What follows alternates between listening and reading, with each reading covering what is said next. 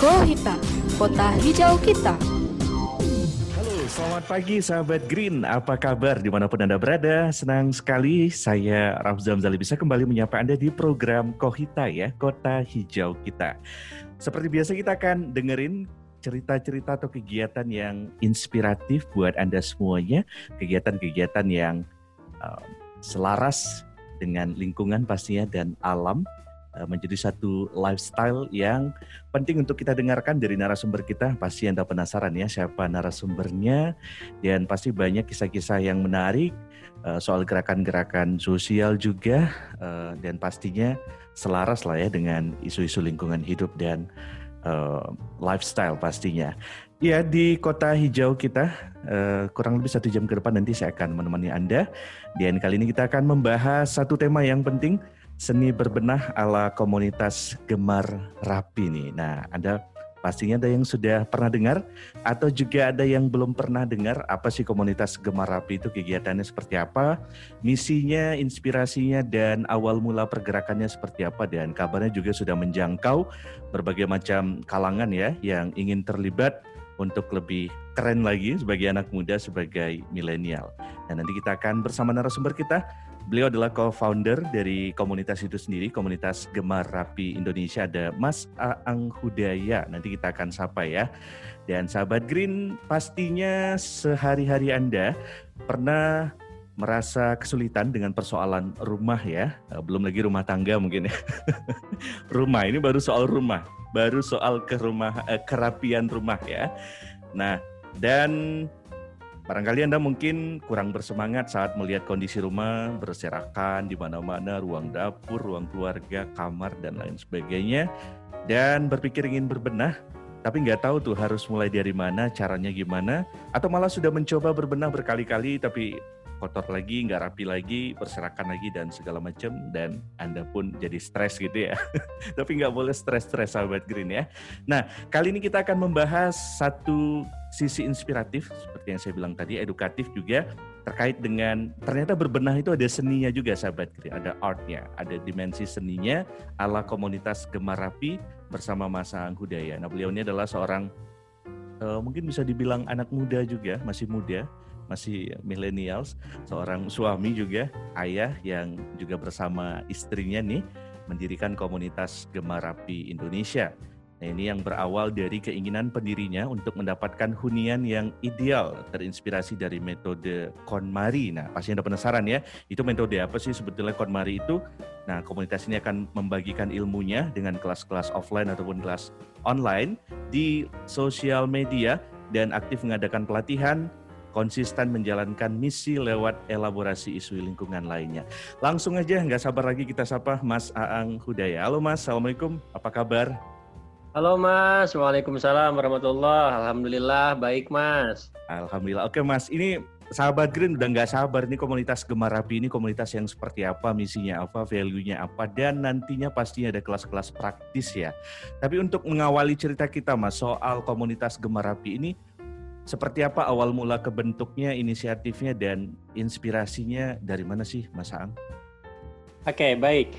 Nah, uh, Gemar Rapi ini, oke, okay, uh, eh, sembari saya sedikit luruskan ya. ya. Kalau komunitas Gemar Rapi ini hanya salah satu bagian dari Gemar Rapi ya. Mm. Jadi uh, karena sudah ada beberapa uh, grup atau uh, komunitas di beberapa wilayah, maka kita bentuklah komunitas Gemar Api yang itu merupakan bagian dari uh, Gemar Api itu sendiri ya. Hmm. Nah, kalau secara historis memang dulu kami berdiri di 5 September 2018. Nah, jadi kemarin hari Sabtu ya. Ya. Nah, tepat dua tahun uh, kami sudah berkiprah uh, apa ya memberikan layanan, memberikan program dan mudah-mudahan juga menjadi solusi bagi masyarakat Nah, awal mula dulu di 2017 ya saya dan istri kenal dengan metode KonMari dan jauh juga sebetulnya jauh sekitar 2012 atau 2011 juga dulu saya dan istri sudah mengenal hmm. uh, metode 5R ya, ringkas, okay. rapi, resik, rawat, rajin,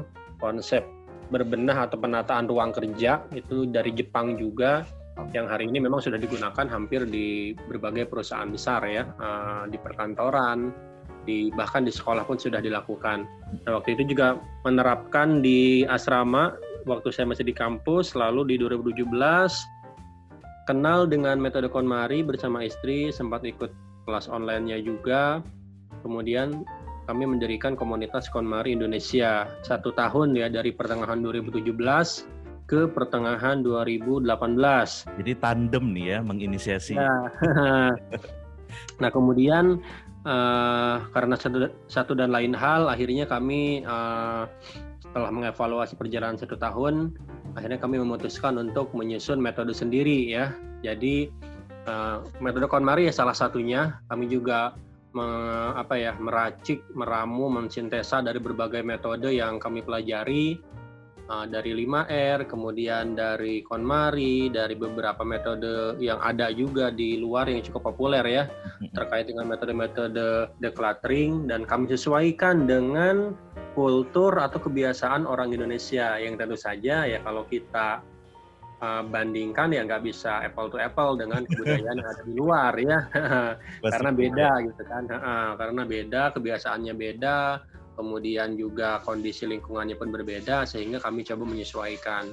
Yang paling kental sih memang dari aspek spiritual ya karena okay. masyarakat Indonesia ini memang mayoritas beragama sehingga sangat penting bagi kami untuk memasukkan unsur spiritual, unsur kerohanian di dalam metode yang kami susun. Mm-hmm. Karena kan biasanya kalau masyarakat kita nih, kalau ya. kita yeah. dekati dari aspek agama, aspek spiritual itu akan jauh lebih mudah dan jauh lebih diterima seperti Wujud, itu. Wujudnya seperti apa tuh kalau mengaplikasikan dimensi atau value hmm. spiritual? Ya, kalau kami biasanya ketika memberikan materi, seminar atau kelas online, kami selalu menyampaikan di awal ya, ya bahwasannya urusan berbenah ini gitu kan, urusan berbenah seisi rumah ini ya bukan hanya urusan keduniaan itu, ini erat kaitannya dengan urusan urusan di di hari kemudian gitu kan Kenapa? Karena kan urusan berbenah ini kan kaitannya dengan harta benda ya. Benar, benar. Dengan barang-barang yang kita miliki dan bagi seorang muslim misalnya kalau kita lihat dari aspek uh,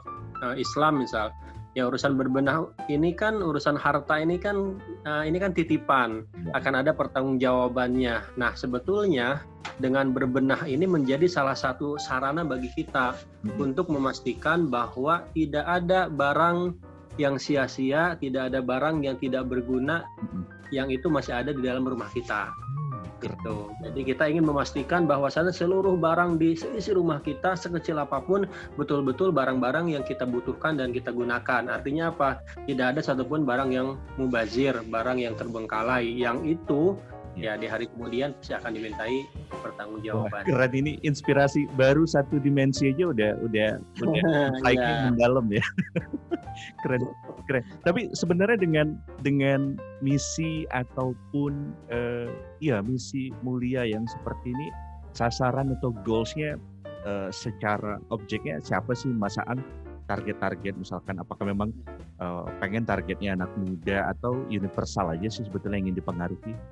Ya, kalau target secara global memang targetnya kita semua orang ya, semua orang uh, mulai dari anak-anak, remaja, kemudian misalkan pasangan muda sampai ibu-ibu dan seterusnya. Meski demikian, memang biasanya kalau pengalaman dari kami selama ini mengadakan berbagai kegiatan Gemar Api memang akhirnya mayoritas pesertanya itu adalah kaum wanita ya.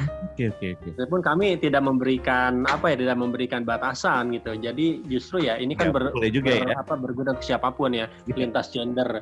Jadi pada akhirnya mayoritas ya 90 persen barangkali adalah wanita dan rata-rata sih ya pasangan Usia muda ya. Ya rata-rata di kisaran antara 20 sampai 40 tahun ya.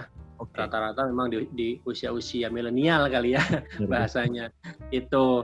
Dan uh, kemudian juga memang nanti akhirnya akan ada beberapa target ya akan ada beberapa segmentasi. Ada segmentasi adalah orang-orang yang sudah punya kesadaran. Benar. artinya apa? Sudah mulai punya kesadaran sudah tahu dia terganggu dengan kondisi rumah yang berantakan dan ingin berbenah tapi nggak tahu caranya. Ya. ada juga memang sasarannya ya betul-betul kita menyasar orang-orang yang belum punya pemahaman sama sekali gitu. Ya. gitu Oke. Itu kalau secara uh, sasaran ya. sasaran. Oke, Mas, kalau kita balik lagi nih soal value yang dihadirkan selain tadi uh, Mas juga udah uh, apa exposure soal ada dimensi agama spiritual yang coba kita adopsi di negara-negara Asia Timur sana. Value apalagi sih yang ingin di apa ya elaborasi atau digandakan dalam gerakan uh, seperti Gemar Api ini? Ya, kalau dari value, kami secara uh, keorganisasian kami ada satu value ya disingkat menjadi rapi ya. Rapi. Resolve itu memecahkan masalah. Artinya hari ini masyarakat atau sebagian besar ya, sebagian besar uh, keluarga, pasangan, orang orang-orang itu punya masalah dengan uh, kondisi isi rumahnya.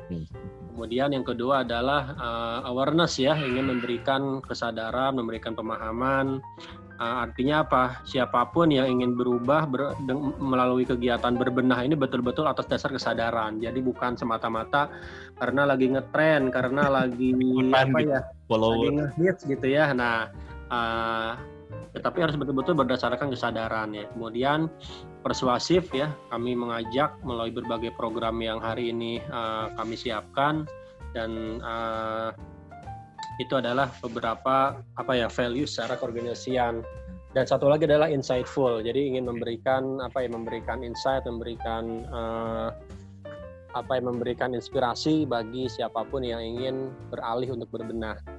Nah, kalau secara secara metode ya gambaran besar metode kami juga punya value juga ya. Oke, okay, apa itu? disingkat menjadi rasa ya. R-nya itu rapi dan teratur. Jadi nanti mau berbenah di mana pun di dalam rumah, di tempat kerja ya atau mungkin di halaman atau bahkan berbenah diri sendiri ya karena itu juga penting banget gitu. Itu ya harus rapi dan teratur. Yang kedua adalah aman dan nyaman. Nah, ini penting ya. Hari ini isu-isu home safety ya. atau keamanan dan keselamatan di rumah pun uh, menjadi sangat penting ya.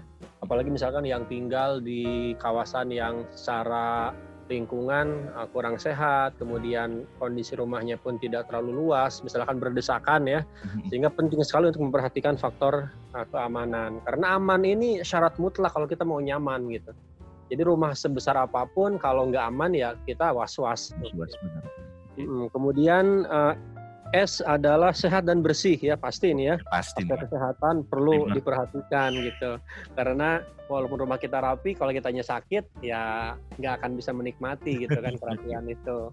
Dan terakhir uh, alami dan berkelanjutan. Ini kaitannya dengan konsep sustainable ya. Konsep berkaitan dengan ketersediaan sumber daya yang hari ini makin terbatas sehingga ya kami pun penting dalam men-set up uh, seisi rumah memperhatikan juga aspek lingkungan. Buat. Seperti itu uh, itu prinsip atau value secara metode ya metode berbenah. Wah keren ya ini kalau ibaratnya udah udah bisa jadi program pemerintah ya kan. udah. Iya. Dalam betul. suasana apalagi di suasana Covid uh, di suasana pemukiman-pemukiman padat penduduk kumuh uh, di wilayah-wilayah yang terdampak uh, dari efek sumber daya alam kayaknya pas banget ya kalau metode-metode seperti ini tuh diaplikasikan di tempat-tempat apa ya masyarakat kita gitu ya. Emang ya. ada ada misi untuk menjangkau masyarakat-masyarakat yang lebih uh, lebih apa ya lebih berada pada situasi-situasi yang mas sampaikan tadi kumuh kotor segala macam. Emang ada sasaran untuk menyasar itu sih sebetulnya Mas An? Kalau sasaran ya tentu saja kami juga punya mimpi ke arah sana ya. Artinya memang PR besar kami adalah bagaimana kami menguatkan uh, tim di internal Gemarapi sehingga dengan tim yang kuat, tim yang besar kami bisa jauh lebih siap untuk berkolaborasi dengan berbagai stakeholder. Karena government ya.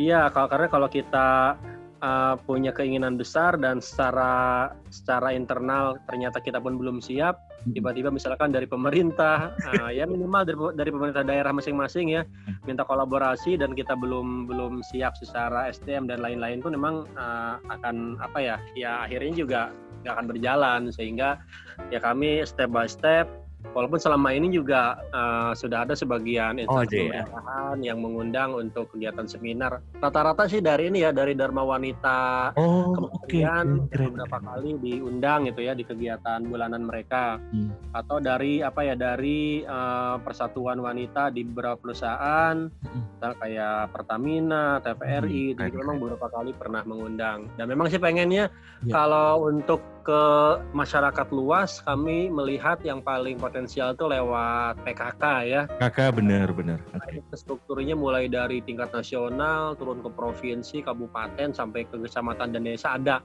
Ada strukturnya, maksudnya uh, legal dari pemerintah dan kalau kita bisa mengakses itu, ini jaringan yang luar biasa gitu kan. Kita bisa membentuk banyak kader sehingga ya nggak mesti ya. dari kita langsung yang turun seperti itu ya aku ngebayangin ini kayak akan jadi pilot project yang keren gitu kan di di tengah masyarakat kita nggak hanya uh, masyarakat-masyarakat tertentu.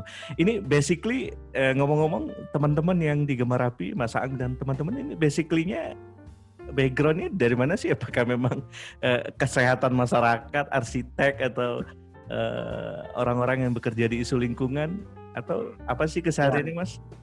Ya kalau kami kalau di pendiri kami ada lima orang ya saya kemudian ada Mbak Nikmah istri saya kemudian dua orang lagi ada Mas Bambang dan Mbak Wangi uh, pasangan suami istri juga dan satu orang lagi ada Mbak Putri.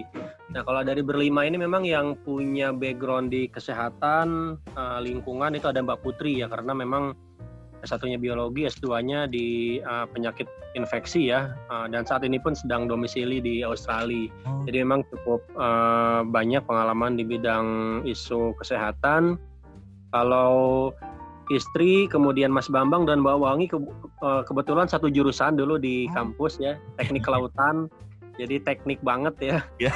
nah, saya sendiri dari peternakan ya. Sebetulnya oh. kalau yang iya sebetulnya nggak ada yang kuliah di jurusan berbenah ya. Oke. Okay. Ya, ada. Mm, karena ya berangkat dari apa ya berangkat dari pemahaman yang sama, kesadaran yang sama tentang pentingnya berbenah. Ya akhirnya kami belajar dari banyak pihak juga ya, uh, dari banyak uh, referensi dan literatur. Memang mayoritas kalau tentang berbenah ini memang lebih banyak belajar dari luar ya hmm. karena ya lebih, mereka lebih, lebih unggul baik. ya unggul dal dalam hal terkait dengan apa ya terkait dengan budaya-budaya seperti itu. Namun sebetulnya kami juga menggali dari kebudayaan-kebudayaan lokal di Indonesia sangat banyak ya kebudayaan nenek moyang kita ya. Benar. Atau ke kebudayaan orang tua kita dulu lah. Misal ya. Benar benar. Kalau kalau kita amati. Kalau mungkin sebagian orang tua kita nenek kita ya kalau dulu itu pagi-pagi itu ya sebelum subuh udah bangun ya udah nyuci piring. Jadi pagi-pagi itu sebelum anaknya berangkat sekolah udah rapi semua, udah beres. Bahkan kalau kita lihat nenek kita kalau lagi nyapu halaman itu, itu sambil dicabutin tuh. Iya. Bahkan rumputnya itu baru keluar sedikit udah dicabutin. jadi bersih halamannya itu ya. Nah, itu jadi ada uh, semacam ya? tradisi yang hilang gitu ya, Mas ya. Betul, betul. Karena sebetulnya kalau saya melihat ketika kita berbenah yang pertama ya kita kembali uh, ke kebudayaan kita sendiri ya. Kebudayaan siapa? Yang kedua juga dengan berbenah kalau bagi yang muslim ya sebetulnya kita tengah meneladani ya nabi kita gitu ya. Nabi Muhammad itu kan sosok yang sederhana, sosok yang uh, agung. Bersih, kalau ya. kalau ya kalau saya ditanya siapa sih mas uh, inspirasi ya. berbenah gitu ya ya saya bilang ya Nabi Muhammad karena beliau sudah mencontohkan banyak hal benar, benar. ya dari sisi kebersihannya kerapihan kesederhanaan ya tidak berlebihan dalam memiliki harta saya kira itu contoh yang sempurna seperti itu. Hmm, bahkan akhlaknya juga terpuji ya. Betul, iya. Sempurna. Jadi kalau ditanya, kalau ditanya kenapa sih mau berbenah ya, saya sedang berusaha mencontoh atau menjalankan ya sunnah-sunnah Nabi itu. Ya, jawabannya sederhana, tapi saya kira itu jawaban yang penting untuk disampaikan kepada masyarakat luas seperti itu. Dan, dan saya merinding nih dengan jawaban itu. Oke, okay, benar saya sepakat itu karena memang apa ya contoh terbaik lah ya kedua hasanah teladan terbaik uh, dalam kehidupan kita. Mas ngomong-ngomong soal uh, komunitas ini, ini um, saya yakin pasti ini jaringannya udah sangat luas ya khususnya di dalam negeri ya di Indonesia. Boleh diceritakan jangkauannya atau pengaruhnya udah seberapa banyak uh, di kota-kota mana saja sudah sudah berkolaborasi nih Mas gerakan uh, Gemarapi ini Mas? Ya, yang pertama kalau untuk kegiatan seminar dan workshop. Memang mayoritas masih di Jawa Barat ya Jawa Jabodetabek. Beberapa kota di Pulau Jawa juga sudah pernah. Hmm. Di beberapa pulau di luar juga pernah juga ya saya mengadakan kegiatan di Riau. Oh di Riau pernah ya, oke. Okay. Ya, di Riau pernah di Pekanbaru hmm. diundang sama ibu profesional Pekanbaru sekitar uh, setahun yang lalu ya uh, di Kalimantan juga pernah di Samarinda dan Balikpapan. Namun untuk kegiatan online sih memang ini ya merata ya karena kok online kan bisa dijangkau dari daerah mana pun ya. Dan kalau melihat dari database kelas intensif online hmm. yang berjalan selama empat bulan per uh, sesinya itu ya memang sudah menjangkau hampir seluruh uh, daerah di Indonesia bahkan beberapa peserta yang domisili di luar negeri pun ada yang ikut ya nah, yang di Mesir di Jepang dan beberapa negara yang lain nah kalau secara sebaran hari ini juga sebetulnya kami sudah punya komunitas Gemarapi di beberapa wilayah ya ada yang masih skupnya provinsi, ada yang ada yang sudah kabupaten atau kota. Kalau, kalau di total ada berapa tuh mas? Kalau di total? Ya kalau di total memang kalau dari kalau menghitung member sih kita kalau yang dari komunitas belum ada database yang apa ya yang yang terdata dengan baik ya. Namun kalau melihat misalkan dari follower Instagram ya. hari ini sudah di angka 34 ribuan ya. Okay. 34 ribu dan hari ini sebetulnya yang cukup kami banggakan dan sudah mulai bergerak itu adalah kami punya satu gerakan namanya gerakan saling beri. Oke. Okay. Saling beri ini seperti kalau di luar kita mengenal ada buy nothing ya. Jadi intinya saling memberikan barang secara cuma-cuma. Hmm, gerakan karena kami melihat juga ya. Betul, gerakan berbagi karena kami melihat biasanya uh, siapa pun ketika selesai berbenah mereka akan punya PR berikutnya benar, ke mana barang ini harus harus saya salurkan ya barang-barang yang masih digunakan biasanya kami punya database bank sampah atau lembaga-lembaga yang menerima barang bekas tapi untuk barang-barang yang masih bagus nah sekarang kami fasilitasi dengan gerakan saling beri okay. itu per kota hmm. karena kami tidak per provinsi terlalu besar bahkan ada beberapa yang sudah per kecamatan ya hmm. Misalkan Surabaya Timur atau Jakarta Barat supaya apa? Supaya proses memberikannya itu tidak terlalu membutuhkan transportasi yang terlalu jauh. Karena kami pun ingin mengurangi barangnya apa aja tuh ya? Apa aja bisa diberi ya? Bebas. Jadi bebas. sistemnya ada di grup WhatsApp ya uh, jadi saling beri ini ada akun Instagram sendiri saling beri. Nanti siapa pun bisa daftar uh, ada link pendaftaran dan tinggal memilih uh, daerah yang memang sudah ada uh, ada grupnya ya. ya, ya. Misalkan pilih nih Kota Pekanbaru itu ya.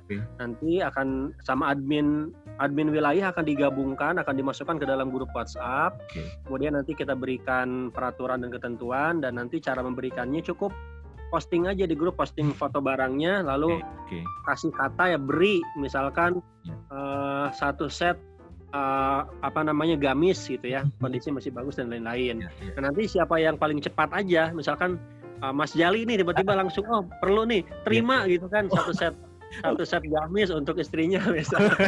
Nah, itu bisa gitu ya. Nanti kalau sudah ada yang menerima ya urusan berikutnya mereka saling apa saling saling kontak aja gitu kan mau dikerja lewat apa dan lain-lain. Jadi, Jadi itu itu salah satu gerakan yang sudah diinisiasi sejak awal tahun ini. Hmm, ada iya semacam apa ya ada moral force-nya gitu ya apa? Betul ya.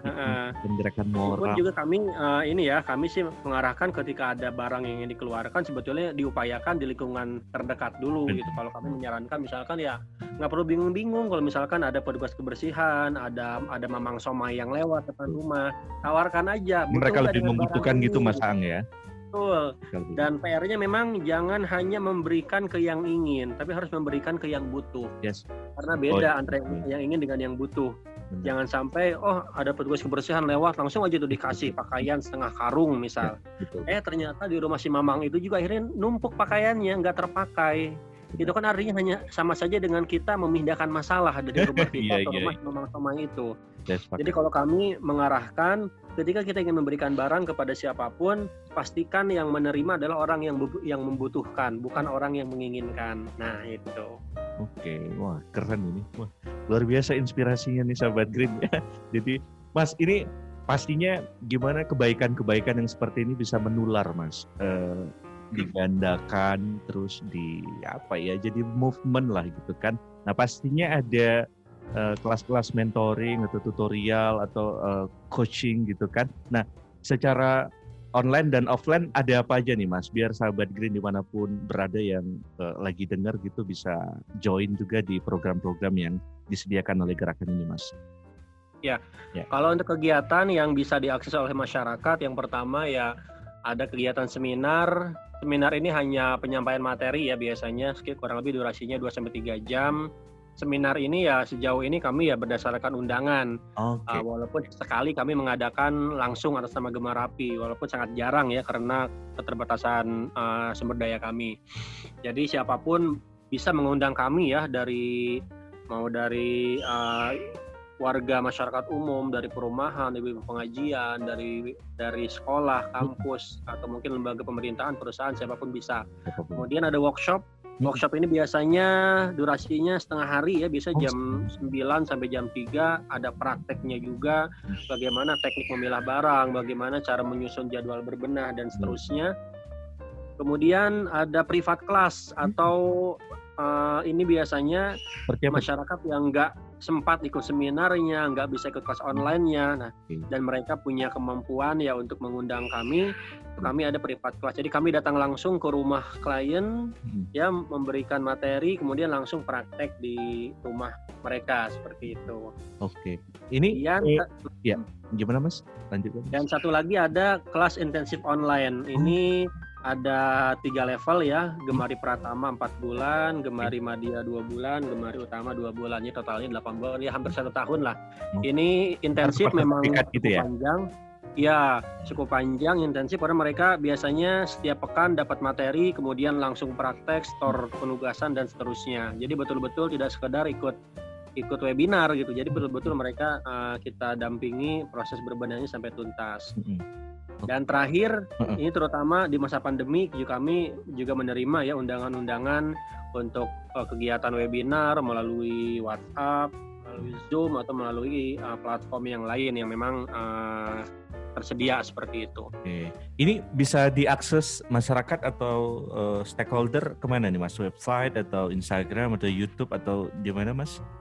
Ya, nanti kalau ada keperluan ya nanti biasanya silahkan bisa DM ke Instagram kami di. @gemarapi atau boleh juga buka di websitenya ya di www.gemarapi.org. Tapi kami biasanya lebih banyak aktif di di Instagram ya. Ya. Karena hari ini ya platform online yang cukup digemari memang Instagram ya. Atau juga boleh kirimkan surat permohonan ke gemarapi@gmail.com ya melalui email. Okay. Nah, uh, itu ya jadi kalau mau ada program kerjasama mau mengundang silahkan ya kami terbuka lebar ya untuk uh, siap berkolaborasi dengan pihak mana pun. Oke, okay. kalau ini Mas, uh, saya ngebayangin nih kan uh, impact-nya bisa luar biasa ya kalau kemudian uh, sasarannya juga, apalagi di tengah pandemi ini adalah uh, apa ya sekolah atau siswa atau mahasiswa begitu. Ada ini ada target-target spesifik uh, untuk memberi impact ke ekosistem pendidikan kita seperti sekolah dan kampus gitu, Mas Aan? Ya, kalau targetan ada ya, cuma ya. saat ini pun kami masih ya masih merancang, masih meramu ya uh, nanti sistematikanya seperti apa. Tapi yang jelas memang uh, institusi pendidikan ini jadi salah satu target yang kami utamakan. Ya. Mengapa ya karena mereka lah yang akan nanti ya yang akan menjadi ya inilah penerus-penerus generasi berikutnya gitu ya. Jadi melalui bayangin konsep ini masuk kurikulum pendidikan nih Mas. Iya. Iya, mimpinya seperti itu ya. Baik gemar apinya maupun konsep-konsep tentang kesadaran lingkungan saya kira memang sudah sudah uh, seharusnya dan secepatnya masuk dalam kurikulum karena ini penting ya ini hmm. berkaitan dengan berkaitan dengan karakter berkaitan dengan habit gaya hidup dan juga nanti erat kaitannya dengan dengan apa dengan aspek ekonomi gitu ya hari ini misalkan sebagian masyarakat merasa kesulitan dengan ya. kondisi ekonomi tapi terkadang kita lihat apa ya tingkat konsumtifnya juga lumayan tinggi hmm. gitu ya di masyarakat kita sehingga kita bisa nih melakukan pendekatan itu dengan terkait dengan hidup sederhana bahwasannya kita nggak harus punya semua hal ya kita hanya perlu sesuai kebutuhan saja dan ya masyarakat pun tidak terlalu pusing ya dengan dengan kondisi ekonomi mereka seperti itu.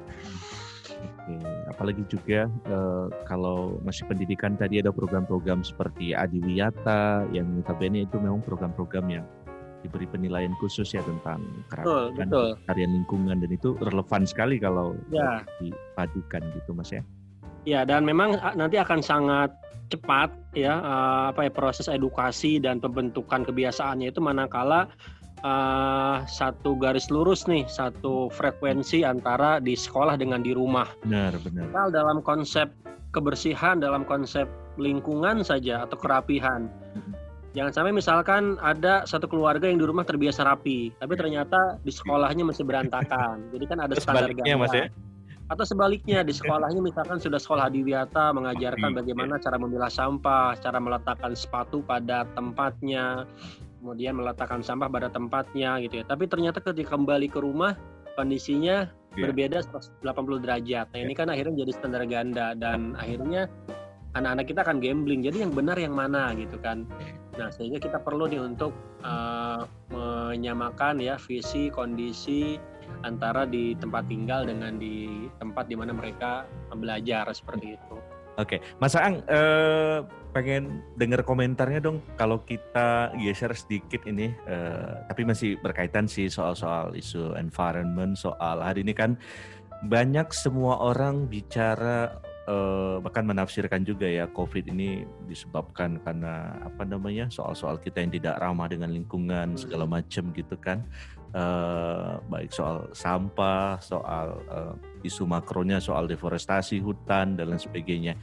Uh, Mas Ang melihat uh, seberapa penting sih khususnya millennials atau anak-anak muda itu pelan-pelan uh, harus sudah memiliki awareness soal uh, membaca lingkungan hidup itu harus diesensikan seperti apa. Nah, Mas Ang sendiri seberapa urgent memahami lingkungan hidup itu dari sisi anak muda? Ya, uh, sangat penting ya bagi anak-anak muda hari ini untuk mulai memperhatikan uh, kelestarian lingkungan karena ya bagaimanapun kalau secara konsep ya bahkan uh, para tokoh-tokoh lingkungan gitu orang-orang bijak sampai mengatakan ya bumi ini akan cukup untuk kebutuhan manusia, tapi tidak akan pernah cukup untuk memenuhi gaya hidup manusia gitu ya. Benar, benar. Nah kemudian kenapa Jadi, penting makin, makin banyak ya? gaya semakin berat hidupnya mas ya?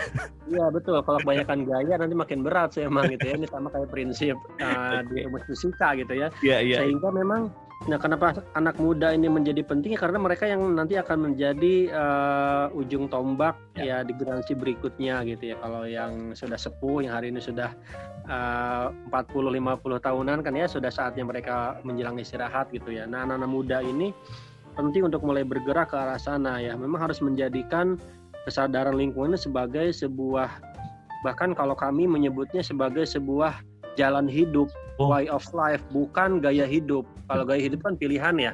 Betul, Tapi kalau way of life ya berarti itulah jalan yang harus kita tempuh gitu ya.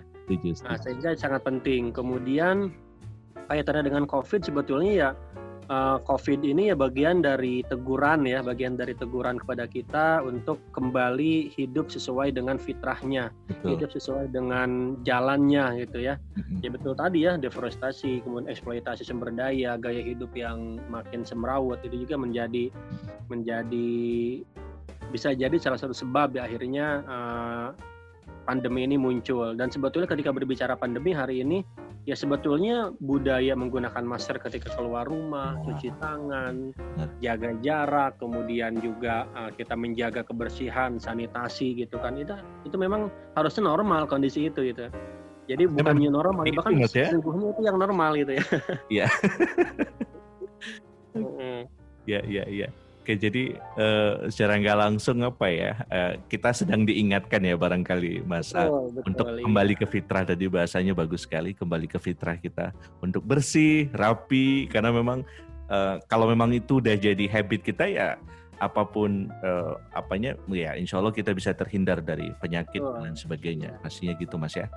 Iya, karena juga kalau kita lihat ya ternyata orang-orang yang memang selama ini punya kebiasaan bersih gitu ya, ya punya kebiasaan yang baik juga potensi penularannya juga tidak terlalu tinggi gitu ya. Kenapa ya? Karena mereka juga sudah terbiasa cuci ya. tangan, terbiasa kalau misalkan beli bahan makanan dicuci dulu, kemudian tidak sembarangan misalkan keluar rumah uh, tanpa ya menggunakan inilah uh, perlengkapan yang yang cukup gitu ya.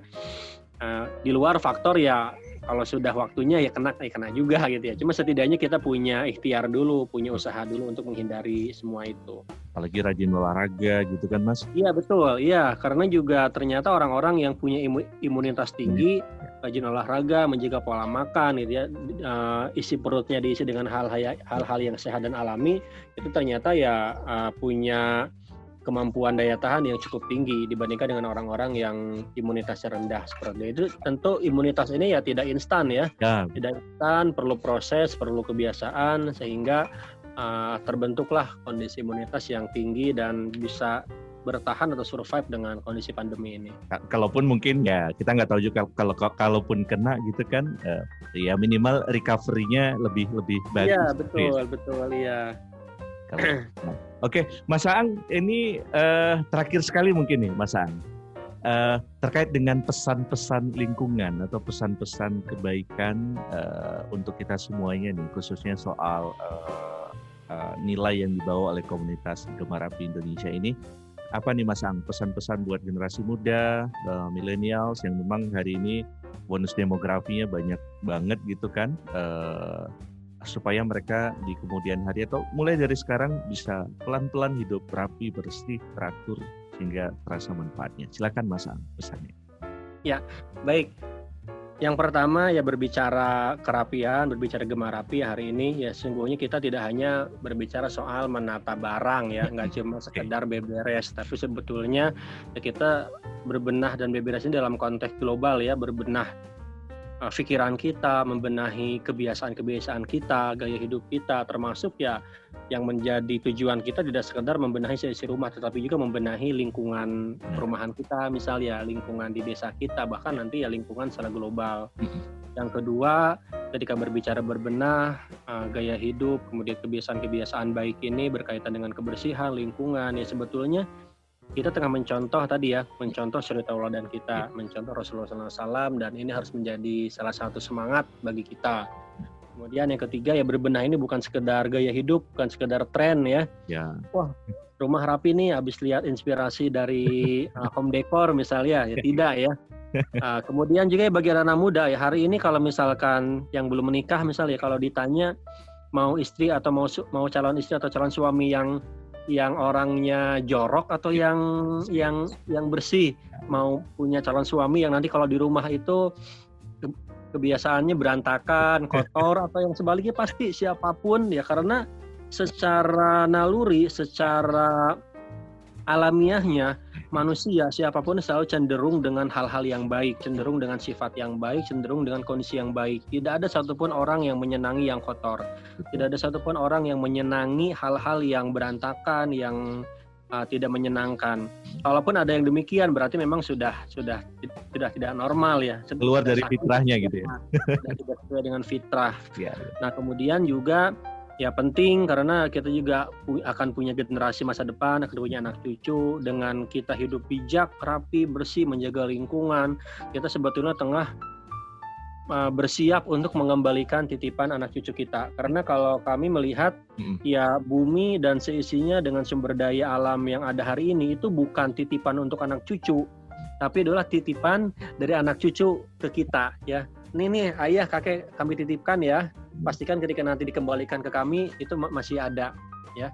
Hmm. Jadi bukan kita mempersiapkan untuk anak cucu, tapi sebaliknya ini adalah titipan dari anak cucu untuk segera kita kembalikan dengan kondisi yang jauh lebih baik seperti itu. Oke. Wah. Dan terakhir ya, ya mari jadikan ya kebiasaan-kebiasaan rapi bersih ini sebagai satu kebiasaan yang normal ya. Jadi bukan dianggap wah uh, apa ya jadi asing ketika kita rapi jadi aneh ketika kita bersih ya. Tapi ini ya jadikan kebiasaan wajar kita gitu kan karena secara fitrah kan dulu pun kita hidup di dalam rahim pun dalam kondisi yang steril, hmm. kondisi yang bersih, diberikan nutrisi terbaik ya ketika kita lahir pun harusnya kita mengkondisikan dalam uh, kondisi yang sama ya terbiasa dalam kondisi yang steril dan bersih gitu ya. Nah, itu barangkali pesannya dan memang harus segera dimulai Okay. Jangan menunda ya pesan saya. Ya, jangan banyak. Nanti ya lebih lanjut silakan kalau mau perlu perlu konsultasi, mau mengundang atau mau curhat ya silakan bisa DM ke @marapi okay. atau ke, saya juga bisa ya ke @angkudaya di Instagram. Oke. Okay. Wah, luar biasa nih udah udah full inspirasi dari Mas Aang Hidayah sahabat Green ya. Co-founder dari Gemarapi Indonesia luar biasa sekali. Mudah-mudahan bisa menginspirasi kita semuanya, memotivasi, mengedukasi, memberi nilai tambah informasi kita semuanya. Dan seperti kata Mas Ang tadi bahwa uh, fitrahnya atau basically atau alamiahnya kita emang uh, harus bersih, harus rapi, harus nyaman. uh, sehingga betul-betul apa ya uh, sempurna gitu sebagai manusia uh, dan jangan lupa juga untuk berbagi ya karena banyak sekali uh, kitalah anak-anak muda nanti yang akan meneruskan uh, tadi titipan sumber daya alam yang begitu kaya dan lain sebagainya luar biasa Makasih sekali lagi Mas Aang Hudaya, co-founder dari Gemarapi Indonesia atas waktunya udah berbagi di Kohita, kota hijau kita. Makasih ya Mas Aang ya. Ya, sama-sama Mas. Semoga bermanfaat dan menjadi apa ya, menjadi salah satu inspirasi bagi kita semua Amin. untuk terus uh, menjaga diri dan lingkungan kita. Oke. Baik, eh, sahabat Green itu tadi eh, Kohita Kota Hijau kita bersama Mas Aang Hidayah, co-founder Gemarapi Indonesia. Terima kasih atas kebersamaan Anda. Saya Rafzal Dali, mewakili seluruh kerabat kerja yang bertugas. Pamit dari ruang dengar Anda. Kohita, Kota Hijau Kita.